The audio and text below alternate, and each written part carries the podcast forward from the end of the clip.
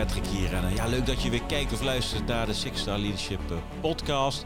Ben je Spotify, Apple Podcasts of het andere eh, app luisteraar? Nou, je kunt ons op ons abonneren. Je kunt ook een review of een recensie schrijven. Nou, doe dat. Dat is goed voor onze vindbaarheid. Maar het is ook leuk voor mensen die onze podcast nog niet kennen.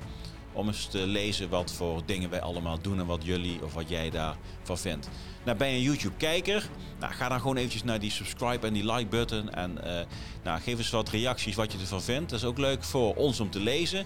Maar tegelijkertijd ook kunnen we dan als kanaal groeien. En kunnen meer mensen onze mooie content vinden. Want we gaan, uh, we gaan weer iets nieuws doen.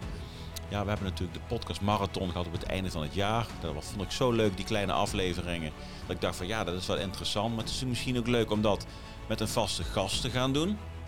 En dan een vaste gast niet in de zin de rest van mijn leven. Maar om gewoon een bepaalde periode een ja, vaste tafelgast uit te nodigen. Waarin we steeds een x aantal onderwerpen de revue laten passeren. En uh, mijn eerste Sixta Leadership Special vaste tafelgast is Marleen. Marleen Koopmans. Je hebt natuurlijk al gezien uh, op de foto van de podcastbeschrijving. En met Marleen zal ik de komende periode mooie podcasten gaan opnemen. De introductie, uh, daar kijk je nu naar en die is denk ik al erg geslaagd. Dus we gaan lekker snel door naar het gesprek. Heb je de aanleiding van het gesprek vragen? Heb je ideeën? Heb je wellicht wat onderwerpen die je zelf eh, bij ons wilt droppen? Nou, doe dat dan gewoon. Dat kan natuurlijk eh, in een comment eh, bij YouTube. Of je doet dat gewoon in een social post onderaan bij de reacties. En op die manier kun je ons inspireren met leuke onderwerpen waar wij op kunnen aanhaken. Nou, tot zover. We gaan lekker door en ik wens jou veel plezier met de introductie van de Six Star Leadership Special. Veel plezier. Ja, hallo, welkom bij eh, de Six Star Leadership Podcast. Het is eh, vrijdagochtend en uiteraard schijnt de zon weer en we gaan weer een mooie podcast opnemen. we gaan het dit keer, nou, we gaan wat anders doen, want ik heb niemand minder dan Marleen in de studio. Welkom Marleen. Hallo. Hallo. ja, we hebben een beetje een slappe lach, want we hebben net een half uur een podcast opgenomen en toen was het geluid zoals de afgelopen weken wel vaker is gebeurd. Eventjes wat minder. We hebben het defect ontdekt, dus we gaan het uh, gewoon nog een keer doen. Zeker. Dus we hebben onze generale repetitie al gehad. Ja. Dus eigenlijk onze tweede podcast nu. het is onze eerste podcast. En uh, nou, je zult misschien afvragen, ja, wie is Marleen? Nou, als je me al een uh, wat langer volgt, of misschien ken je, ken je ons persoonlijk. Ja, Marleen is mijn, mijn vrouw. Nou, mijn vrouw, dat klinkt zo ouderwets, maar in ieder geval mijn partner in crime. En we hebben de afgelopen nou, 25 jaar, want we zijn sinds 1999 samen, eh, ja, gewoon veel meegemaakt. En het idee was eigenlijk om daar een keer een leuke podcast over op te nemen. En toen kwam uh, vanochtend het idee van, nou, misschien moeten we dus gewoon uh, meerdere korte podcasts opnemen waarin we iedere keer een ander onderwerp gaan bespreken. En uh, ja, dit is een beetje de aftrap nu, alleen. Zeker. Maar wil je eens even voorstellen voor de mensen die denken van... Goh, wie heeft hij dan nu weer tegenover zich zitten? Ja, wie heeft hij nu dan tegenover? Nou, mijn naam is Marleen, woonachtig in Haarlem. Uh, kom oorspronkelijk uit Groesbeek. We zijn uh, vier, vijf jaar terug hier naartoe verhuisd. Ja, 2018. Ja, um, ik ondersteun bedrijven bij het opschalen van uh, bedrijven. Dus meer van start-up naar scale-up. En um, nou, dat. Dat is interessant. Je bent moeder van drie jongens. Drie jongens. Dezelfde als ik. Ik ben de vader. Ja, ja. gelukkig. Ja. We hebben een puppy sinds ja. kort. Chill. Ja, en uh, wat vind je van dit idee? Ja, heel leuk. Vind je het leuk om hier te zijn? Heel leuk. Ja? Heel leuk. Ja. ja. Heb je het gevoel dat ik hier zit met tegenzin? nee, nee, helemaal niet. Nee. Hij denkt, ze moet verder. Nee. nee, nee, nee, nee, heel leuk. Fijn dat je tijd hebt. nee, heel leuk. Ik vind... Um, ja, weet je, Pet, ergens is dit al een tijdje terug ontstaan. Ja. En ik denk dat ik het ergens een beetje dit, elke als je zei, oh, kunnen we wel even samen in zitten. En dan kunnen we misschien in Zweden een avondje. Nou, het kwam er gewoon nooit van. En nu had ik ook alweer haast uh, kans om er tussenuit uh, te glippen. Forecast. Ja, ik moest van, voor het werk van alles doen en bla bla bla bla. En toen, maar het, toen was wel mooi, dus dan ging ik in mijn agenda kijken. En toen zag ik echt de volgende keer dat we dit pas zouden kunnen doen, was 24 maart. En toen dacht ik, uh, nee, dat gaan we echt niet doen. Nu gaan we het gewoon doen. Ja. Maar dus heel erg grappig dat hij net mis is gegaan, het geluid, en nu weer opgenomen gaat worden. Ja. Maar uh, dus nee, ik denk dat het. Um, ik ben heel erg benieuwd. Dus leuke aftrap van leuke nieuwe dingen. En gaan we eens kijken wat het gaat ontstaan. Ja, ja met, met het nieuwe format zijn korte podcasts. Ja.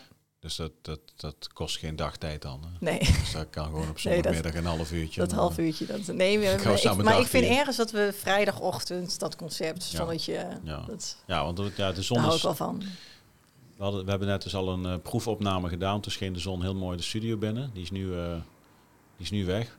Maar het kan dus zijn dat je af en toe in één keer de zon hier voorbij ziet vliegen. Dat is heel leuk, want vrijdagochtend is podcastopnameochtend.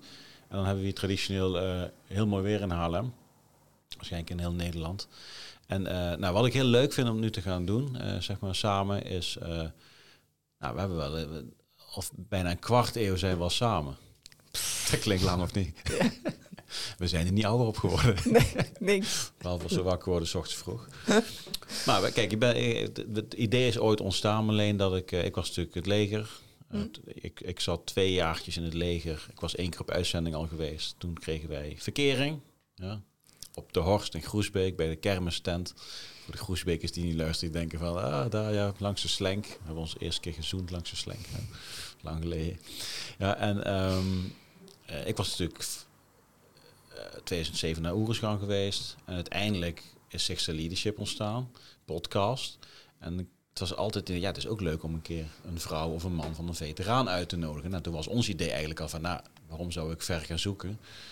Als ik iedere dag langs iemand eh, in bed lig die ook vrouw van een veteraan is. Nou, en zo is eigenlijk het idee ontstaan. Maar dat voelt voor mij niet meer helemaal als eh, ja, de bron waarom we dit nu aan het doen zijn. Want we zijn ondertussen veel meer dan alleen maar veteraan en vrouw van veteraan. Eh, zo voel ik dat in ieder geval. Mhm. Ja, hoe kijk jij daar tegenaan? Zie je daarin ook een verandering de afgelopen twintig jaar? Of zie je mij nog steeds als de veteraan en jij bent de vrouw? Nee, nee joh, dat was een vorig leven. Lang geleden. hè?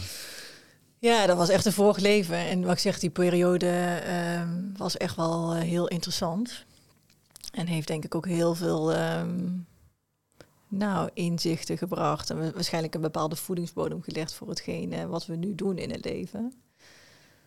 Maar het was wel een compleet ander leven, ja. Ja. Wat was er anders dan? Ja. Weet je, het is wel grappig als ik terugdenk aan Defensie. Enerzijds was dat een hele. ehm, eh, voelde dat als een hele vertrouwde tijd, hè? Want je wist precies. Nou, je had uitzendingen, was je een tijd weg. eh, Dus het was, het was ook allemaal. Enerzijds was het heel erg divers, en anderzijds wist je ook gewoon van: oh, dit zijn de dingen die allemaal gaan eh, gebeuren. Ehm, ja, en anderzijds natuurlijk met die uitzendingen, ja, hebben die, heeft dat dingen naar boven gebracht. En ook blootgelegd, denk ik, ook tussen ons twee. Ehm, ja, daar ben ik wel blij omdat we die hebben mogen ervaren. Mhm. Dat we de, de, de, de, de uitzending, eh, grappig, ik zei straks oefening, ik wou het nou weer bijna zeggen. Maar de uitzending eh, Afghanistan, ja, eh, ik was 25. Ehm, heel, hè, wat, ik, wat ik zei, jullie hadden een hele voorbereiding over hoe dat tactisch en strategisch en wat er allemaal gedaan moest worden. En wij gingen van tevoren op vakantie naar Italië. En, Ja. En no- nooit gedacht van over een maand is die weg en dan gaat hij richting... nee, ja, bij Vanna met het hertje. Ja, en toen, ik weet wel, dat kwam op een gegeven moment wel langzaam dat was onze honeymoon, hè? Dat was ons honeymoon, Ja. ja. Oh, ja. Dat kwam op een gegeven moment wel langzaam binnen, hè. Maar, maar nee, ja, weet je... Het, het, het, tussen de voorbereiding tussen ons als relatie en toen het eenmaal, eenmaal was... en ik denk zelfs daarna, eh, wat we er allemaal nog uit hebben mogen leren... ja, dan was die voorbereiding niks. Maar ik vraag me ook af of we ons überhaupt op hadden kunnen voorbereiden. Nee. Nee, maar nee, wat er gebeurde uiteindelijk in Afghanistan was natuurlijk veel meer dan dat we allemaal verwacht hadden. Ja. in, in, in negatieve zin, maar uiteindelijk misschien ook wellicht in positieve zin. Er zijn ook hele mooie dingen uit ontstaan. Ehm, ik denk als de uitzending niet zo heftig was geweest, dat we wellicht niet eens hier gezeten hadden in de podcaststudio. Nee. Dus er is eigenlijk wel heel veel dingen in beweging gebracht. Maar jij vertelde straks ook een, een, wel een verhaal dat, dat je op een gegeven moment dacht van, goh, misschien komen we niet meer thuis. Nou, er zijn wel bepaalde momenten geweest. ehm, maar ik zeg, toen jullie weg, we- net weggingen, was het natuurlijk meteen heel heftig. Ehm, en op een gegeven moment, hè, de ochtend dat Martijn overleed, hè, toen kwam er op eh teletext te staan, 30-jarige sol- Nederlandse soldaat overleden in de uh, Oeruzgan. Sergeant stond erbij. Sergeant stond erbij, ja. Toen begonnen natuurlijk vrienden mij meteen te bellen. Van, het is toch niet Pet? En ik zei, ja, nee, nee, eh, ehm, Pet is 29 en ik ben niet gebeld. Maar toen nog zat er bij mij een bepaalde naïviteit van, eh ach, weet je, dat is ergens op een ander kamp gebeurd. Of, eh weet je, jij zat altijd vooruit in Volendam. Denk, dat is allemaal niet daar gebeurd. En, en toen ik jou dan uiteindelijk aan telefoon had en hoorde van eh, dat je er letterlijk nou, naast had gestaan. Ja, toen, toen daalde wel langzaam iets in van, ehm, maar ook richting gewoon de hele groep. Het kan zomaar zijn dat niet iedereen thuis komt. En dat was natuurlijk al zo, want Martijn bleef al achter. Maar dat was, dat was, wel, een, dat was wel een shift, ja. En, en, wat ik straks dus zei, wat eh, wel zo'n moment was dat ik dus... Want wij hadden met elkaar afgesproken van... elk moment dat jij kon bellen... want soms hoorde ik jou gewoon een week, twee weken niet... elk moment dat jij kon bellen, dan belde jij mij. Dus ook al was het drie uur s'nachts, dan belde jij mij. Dus mijn telefoon lag altijd aan... Uh, en dan soms om drie uur s'nachts ging de telefoon en dan konden we even vijf minuten met elkaar praten. Uh, maar dat gebeurde ook een keertje meer op de snelweg op de A73, vlak voor de afslag van Groesbeek. En uh, dus ik nam ook die telefoon en toen kwam die politie in Burger kwam voorbij en die was heel boos over het feit dat ik die uh, telefoon aannam. Nou, ik weet wel dat ik toen zo'n moment dat ik die auto aan de kant heb gezet en dat ik echt alleen maar dacht van, nou, dit, dit kan mij allemaal even gestolen worden. Ja, het is ook een mooi voorbeeld hoe we dan allemaal eigenlijk langs elkaar heen leven hier. Want we hebben allemaal onze eigen, eigen wereld. En we oordelen heel snel over dingen waarvan we achteraf misschien niet eens weten waarom dingen gebeuren. Nee, ja. Dat is ook wel grappig, hè? Ja, dat was natuurlijk ook een stomme... Maar goed, weet ja. ik... Ja, dat was wel een, uh, ja. een gap zat. Oh, en ik weet ook nog dat mensen bijvoorbeeld zeiden... Ja, maar daar hebben ze toch zelf voor gekozen om daar naartoe te gaan. En, en deels hè, begreep ik dat.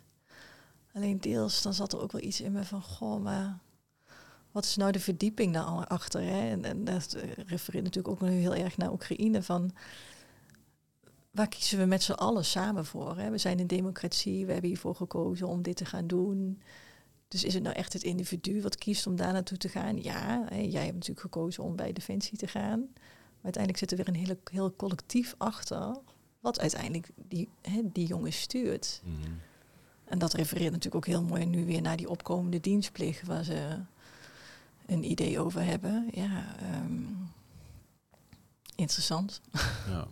Dat is een onderwerp voor een andere keer, denk ik. Ja. Ja, ik wil even even één ding recht zetten. Ik, ik stond niet langs Martijn toen de explosie is gegaan. Er waren twee andere jongens. Die ja. hebben uiteindelijk ook een corporaal daar uh, gewond uh, mee terug kunnen nemen. Wij stonden er een beetje of 20, 30 vanaf. En ik ben later natuurlijk teruggegaan naar Martijn. Om hem te bergen in de ochtend. Snap je? Dus misschien nog goed om even te benoemen. Ja. Uh, maar ik had in die periode ook ja, dat is eigenlijk een beetje eind augustus tot en met uh, Tim Hoogland is natuurlijk in september, eind september overleden, ook in een vuurgevecht. Uh, lagen die, die maanden lagen wij dagelijks onder vuur en hadden we vuurincidenten. Ik denk dat nog geen 90% daarvan, of nee, nog geen 10% daarvan was bekend in Nederland. Ik heb jou wel wat, wat meer er af en toe over verteld, omdat ik gewoon meer dingen wist vanuit mijn functie. maar ik heb op een gegeven moment ook s'nachts gelegen van, goh, het kan zomaar zijn dat ik helemaal niet meer thuis ga komen. En dan draaide, ja, dat zei ik net ook natuurlijk. Ik draaide dan Marco Bassato, afscheid nemen bestaat niet. Je gaat wel weg, maar je verlaat me niet. En dat dan een windvlaag, dat dat dan iemand is die je misschien verloren hebt in het verleden. Maar dat hij dan weer voorbij komt vliegen in je leven, dat hij altijd aanwezig is. En dat soort gedachten had ik dan als ik daar naar de Afghaanse sterren zat te kijken. Dat is natuurlijk fantastisch mooi daar. Totdat er in één keer in de, ja, in de relatieve stilte plotseling weer een explosie te horen valt. Het is grappig dat twee werelden op zoveel afstand met eenzelfde idee rondlopen natuurlijk. Dus, uh... Ja, ik denk dat dat wij uh, wel enerzijds uh, enigszins naar elkaar uitgezonden hebben. Mm -hmm. Dat was op afstand wel heel goed voelbaar, ja. ja. Dat je wist van, stabiel is het niet. Nee. nee. En hoe reageert een omgeving daarop dan? Merk die ook aan jou in dit geval dat je je zorgen maakt? Heb je zorgen gemaakt? Ja, als je Ja. denkt dat iemand niet meer thuis kan, dan maak je zorgen op. Maar, Ja, ik was eh, vijf, hoeveel kilo was ik afgevallen? ja. Ja, weet je wat het is? Het is, het is lastig, want ehm, doordat jij zoveel details met mij deelde, eh, die soms ook een beetje verder gingen hè, dan die gedeeld konden worden. Als mensen dan naar mij vroegen, ja, hoe is het daar? Ja, wat voor antwoord moet je daarop geven? Ja, je wist het eigenlijk zelf ook niet. Nee, Nee. nee. Dus ik kon alleen maar zeggen bagger. En dan, ja. Het, ik vind het nog steeds. Het is nog voor mij nog steeds, als ik eh, ook hè, de jongens vanuit de groep, als ik die dingen hoor delen, dan kan ik nog steeds met open mond naar luisteren. Mhm. Dat ik denk, wat een onwerkelijkheid. Die, die foto waar we het net over hadden op die tank. Dat ik denk, oh ja, dat is het pet. Dat is, dat is het jij. Dus een EPR is geen tank. hè? Oh, sorry. nou, even, ik zie zo bij de... Nee. Maar nee, ja, dat, dat denk ik nog steeds. Denk, goh, dat zal voor de rest van je leven zal het een herinnering zijn dat jij daar in dat land bent geweest. Ja. Maar ja, ook een herinnering. Ja, weet je, is wel iets wat voorbij is gegaan. Alleen is wel een voedingsbodem geweest voor hetgeen wat we nu doen. Mhm. Ja. Wat vind je van de studio? Het is natuurlijk een hok vol herinneringen. Ja. ja, mooi. Ja. Kijk, want achter mij hangt, eh, moet ik even goede kan. Het is natuurlijk de groep waar we het over hebben dan. Ja, Dat zijn, is onze Romeo groep. ja, Ja, en Dolf. Hangt er ook bij. ja. Je had nog net een verhaal over Dolf met zijn kinderen. Nou, dat was meer een beetje in die voorbereiding. Dat, eh, ik weet nog wel dat afscheid, daar hing echt wel een bepaalde beladenheid overheen. Dat was in Eindhoven, toch of niet? Mhm. Dat jullie weggingen met Ja. die bussen die allemaal klaar stonden. Verschrikkelijk. Nee, nee, wij waren in, eh Oh, in Schaarsbergen. Ja, het reed ik nog verkeerd. Ja, en dan gingen wij, eh, ja, nee, je was natuurlijk te laat. En Audrey was daarbij. En Als, jij, als ik ooit gecremeerd ben, dan kom je aan als de staat. Maar, Zoiets, ja. Nee, tegenwoordig ben ik heel netjes op tijd. Ja. Maar ehm, ja, daar hing echt wel een bepaalde Ja. beladenheid omheen. ja. Eigenlijk een bizarre situatie, hè, dat je dan eh, met z'n allen naar Schaarsbergen gaat. En dan eh, staat daar de familie en de vrienden en de kinderen en de eh, ouders en de vrouwen en de mannen. En dan gaan wij bussen in. En dan, Ja, maar- en, dan- en dan gaan die bussen, die rijden dus weg. En, en achteraf had je dus kunnen weten dat er een aantal mensen in die bussen niet meer thuis zouden komen. Ja, maar er- ergens was het ook heel schizofreen als ik er nu over terugdenk. Want de familie was inderdaad bezig met van... Goh, ik stuur iemand naar een oorlogsgebied. Dat was op een Mhm. gegeven moment wel helder. En wat ik straks dus zei over Dolph. Ja, ach, als ik vergeet nooit meer dat Dolph wegliep... en dat zijn dochtertje achter hem aanrende. En ach, ja, nou, tranentrekkend. Wij hadden toen nog geen kinderen. Nee, Dus, dus maar kinderen maken erin denk ik wel een heel groot verschil hoe je het ook samen beleeft dan. Ook als thuisblijven. zeker, zeker. Nou, gelukkig heeft hij destijds terug mogen komen. Dus dat was ook fijn. Alleen, ehm, weet je, je merkte bij jullie ook een bepaald euforisme om te mogen gaan. Mhm. Dus je zag ook eigenlijk een, een, stoet jonge honden die het ehm, ook spannend vond om in die bus te stappen. Ehm, en daar waren wij natuurlijk geen on- onderdeel van. Wij zagen alleen maar die bus. Ja. Doei. Tot over vier maanden. Als het goed is. Ehm, dus ja, ik denk dat... ehm, Maar goed, je weet, je weet ook hoe we terug zijn gekomen. Dat ja, daar wou ik net iets over zeggen. Ja, Ja, dan, dan mag je hem lekker oppakken. Maar eh, voor ons was het van, we worden eindelijk losgekoppeld van de ketting in Nederland. We mogen met onze groep, onze eenheid gaan. We mogen gaan, weet je wel. We mogen onze dingen gaan doen. Waar we al twee jaar naartoe aan het leven, aan het werken waren. En dat, eh, dat was een fantastisch gevoel. ja, want was er ook een bepaald euforisme in de bus? Nee, geen euforisme, dat is het verkeerde woord, denk ik. Maar wel. ehm, ja, ze zeggen om, omschrijven eens hoe het is om militair te zijn. Of zo, hè, de Band of Brothers, hè, Brothers in Arms noem het eens. Je gaat dus eigenlijk met je meest hechte groep in je leven. Nou ja, naast je vrouw of je man of je kinderen natuurlijk. Maar ga je dus samen een avontuur in. En elk avontuur heeft zijn plussen en zijn minnen. Dus dat is heel verschillend hoe, dat uiteindelijk, hoe je het avontuur uiteindelijk gaat beleven, is een ander verhaal. Maar wij, eh, het voelde een beetje zo van, goh, weet je wel, er is een jaar geleden tegen ons verteld dat we met z'n allen dit mogen gaan doen. En eindelijk mochten we gaan. Het verlof zat erop. Nu mogen we gaan. Weet je wel. We gaan naar het vliegveld toe. We gaan naar Dubai, naar Minhat. Van daaruit met Chinooks richting Kandahar, noem het allemaal maar op. Ja. We waren, hoeveel oud waren we? Ik was 29. De meeste jongens waren 25 min. Misschien een verdwaalde 30-plussen. Maar dat was, dat was natuurlijk de, de samenstelling. Ja. Ja, dat, dat is toch wel heel vet als gast dat je dat mag gaan beleven. Maar goed, terug, terugkomst is natuurlijk, eh, dan zie je plotseling andere oogjes, denk ik. Dat weet je beter als ik denk wat je dan zag als je terug, toen we terugkwamen. Nou, ik weet nog, s'avonds, ik moest volgens mij om 11, 12 uur gaan rijden naar het vliegveld. Want je kwam ergens midden in de nacht aan. Ja. En ik ben jou alleen op gaan Op halen. Schiphol was dat. Ja, ik ben Ja. jou alleen op gaan halen. Je wilde niemand erbij hebben. Je zei, kom maar alleen. En ehm, ja, dan zie je wel... eh, ja, weet je, ik vergeet nooit meer dat Joep aankwam lopen, Pet. En die maakte zo'n diepe zucht. ik weet niet of hij het zelf nog weet, maar toen hij eenmaal zijn familie... Die maakte zo'n diepe zucht van... pff, het zit erop. Mhm.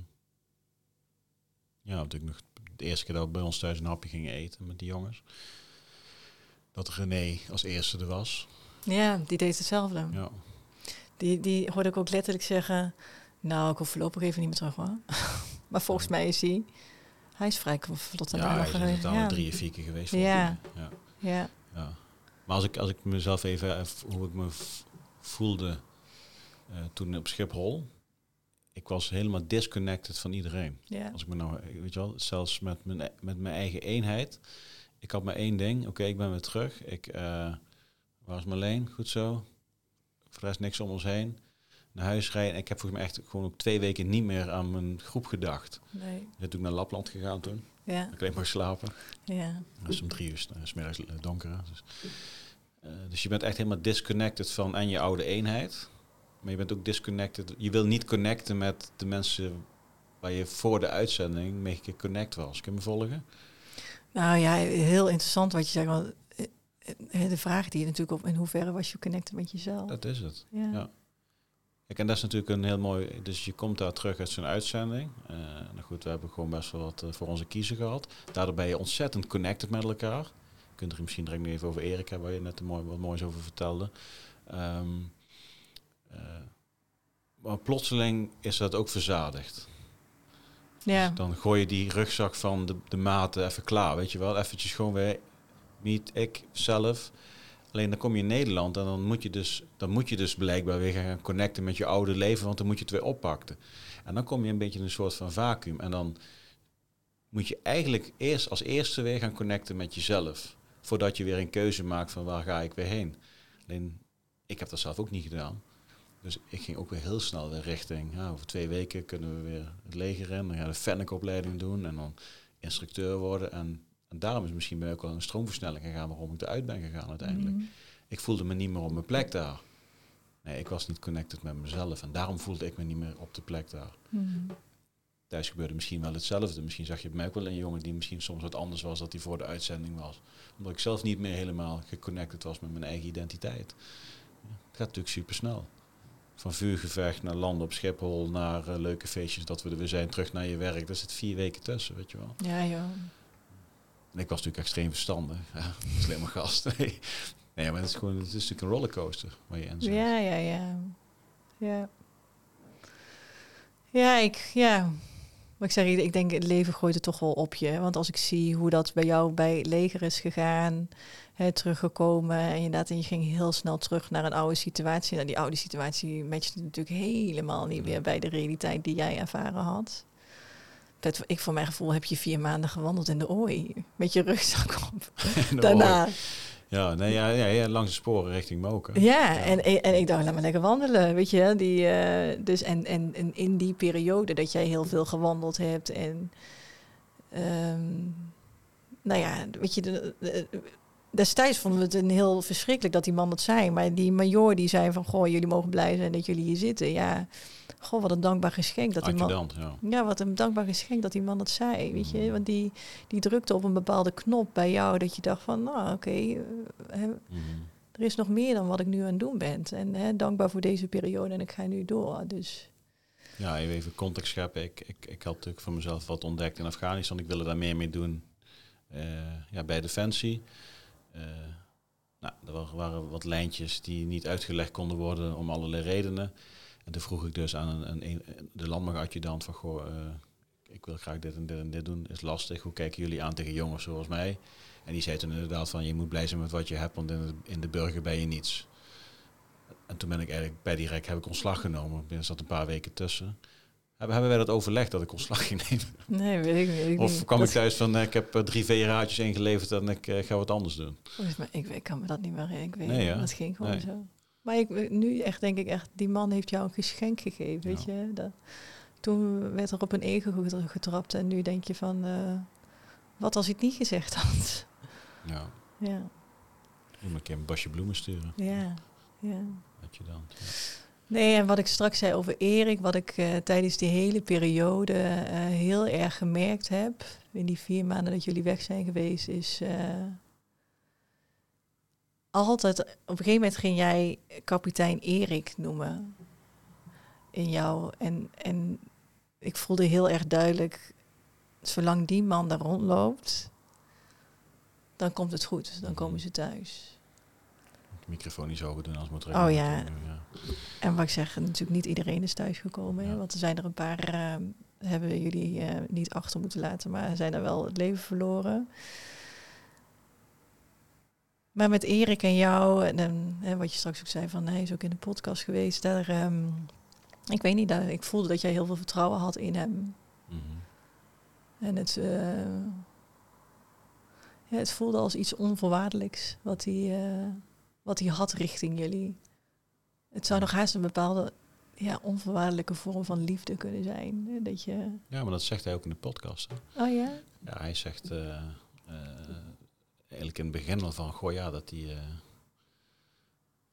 ja, een bepaalde vorm van liefde voelt. Oh, ja? Dat zegt hij ook in de podcast. Ik zal het linkje in de podcastbeschrijving zetten. Voor de mensen die Erik Braak nog niet gezien hebben, is nummer 22.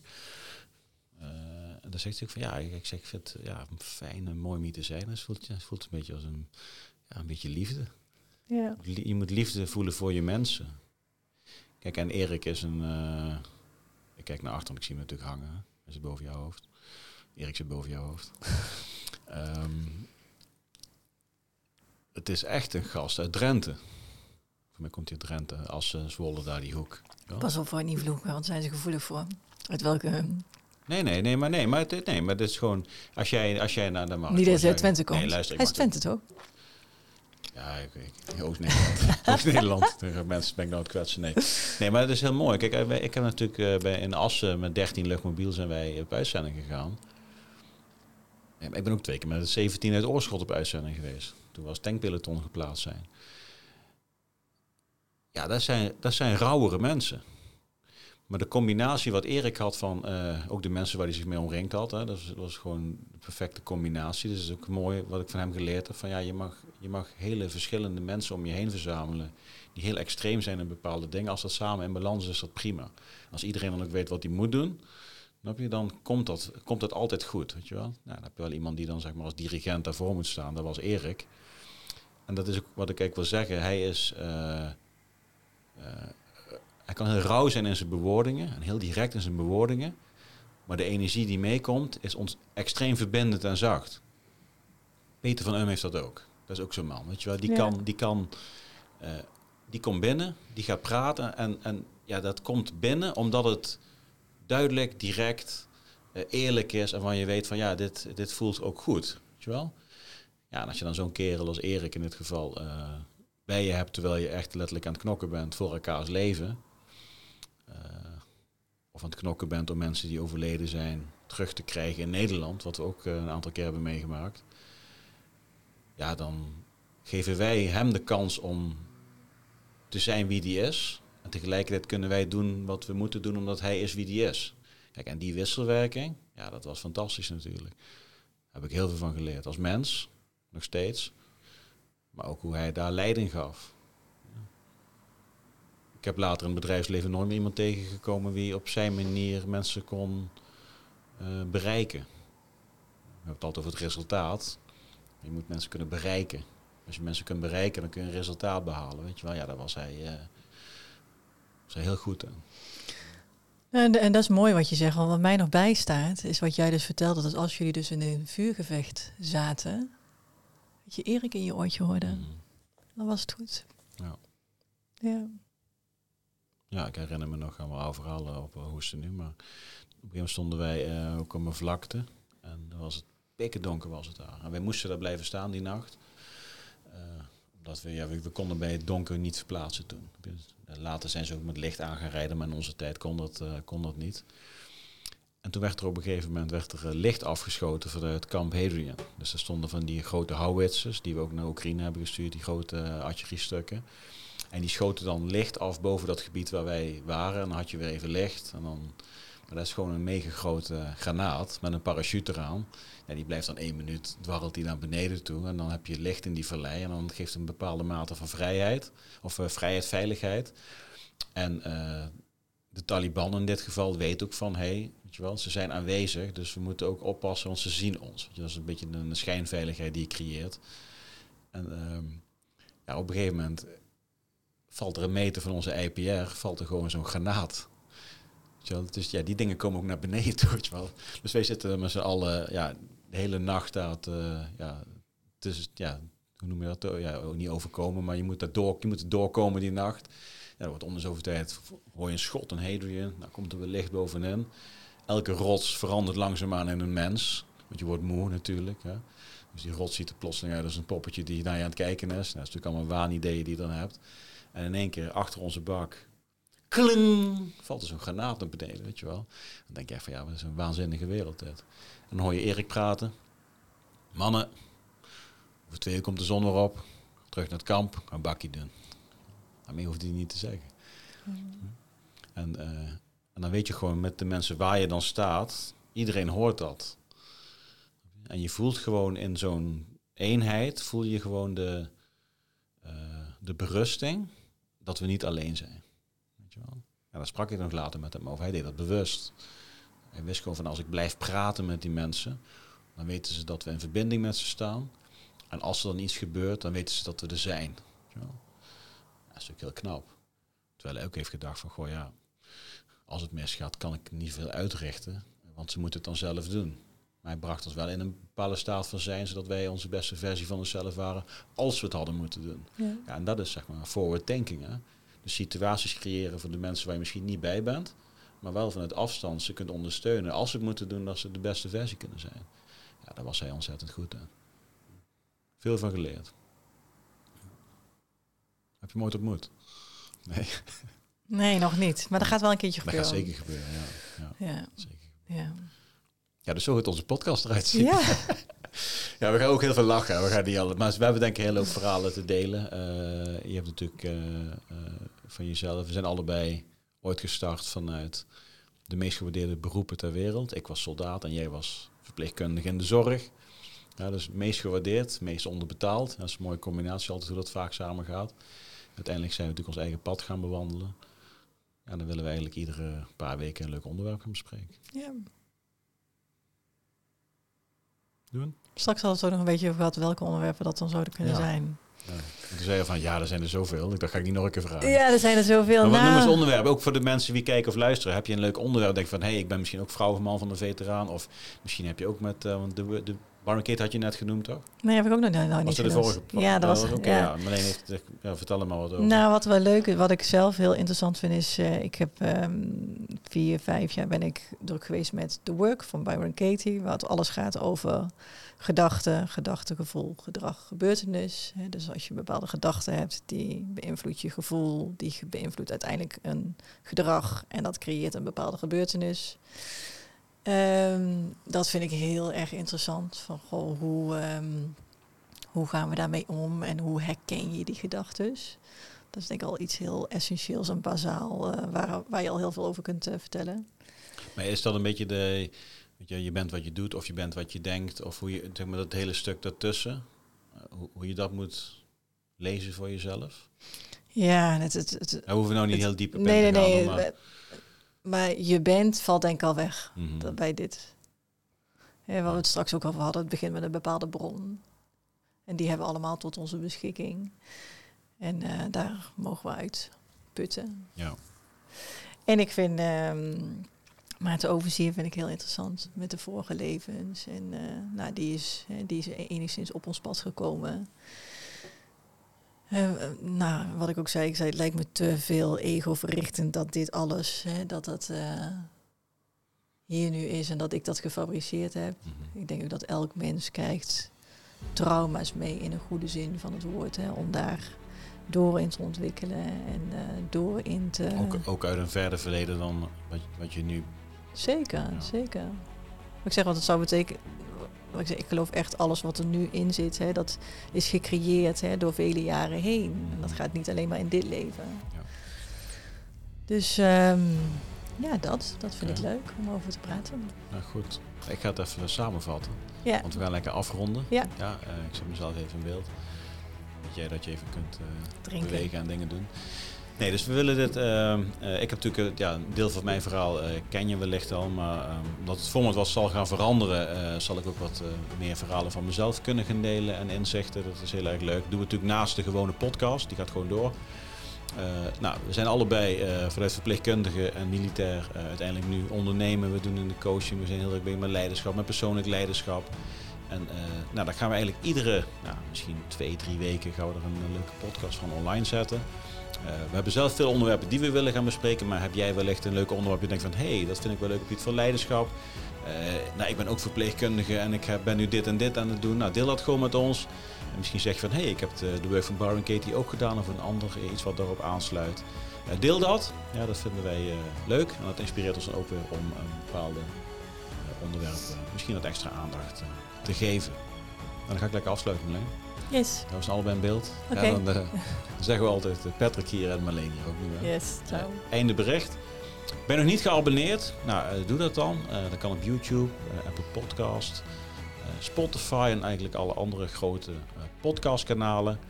En dan krijg je om een paar weken van ons een berichtje dat er een nieuwe podcast online staat. Nou, we gaan afsluiten. Tot de volgende keer.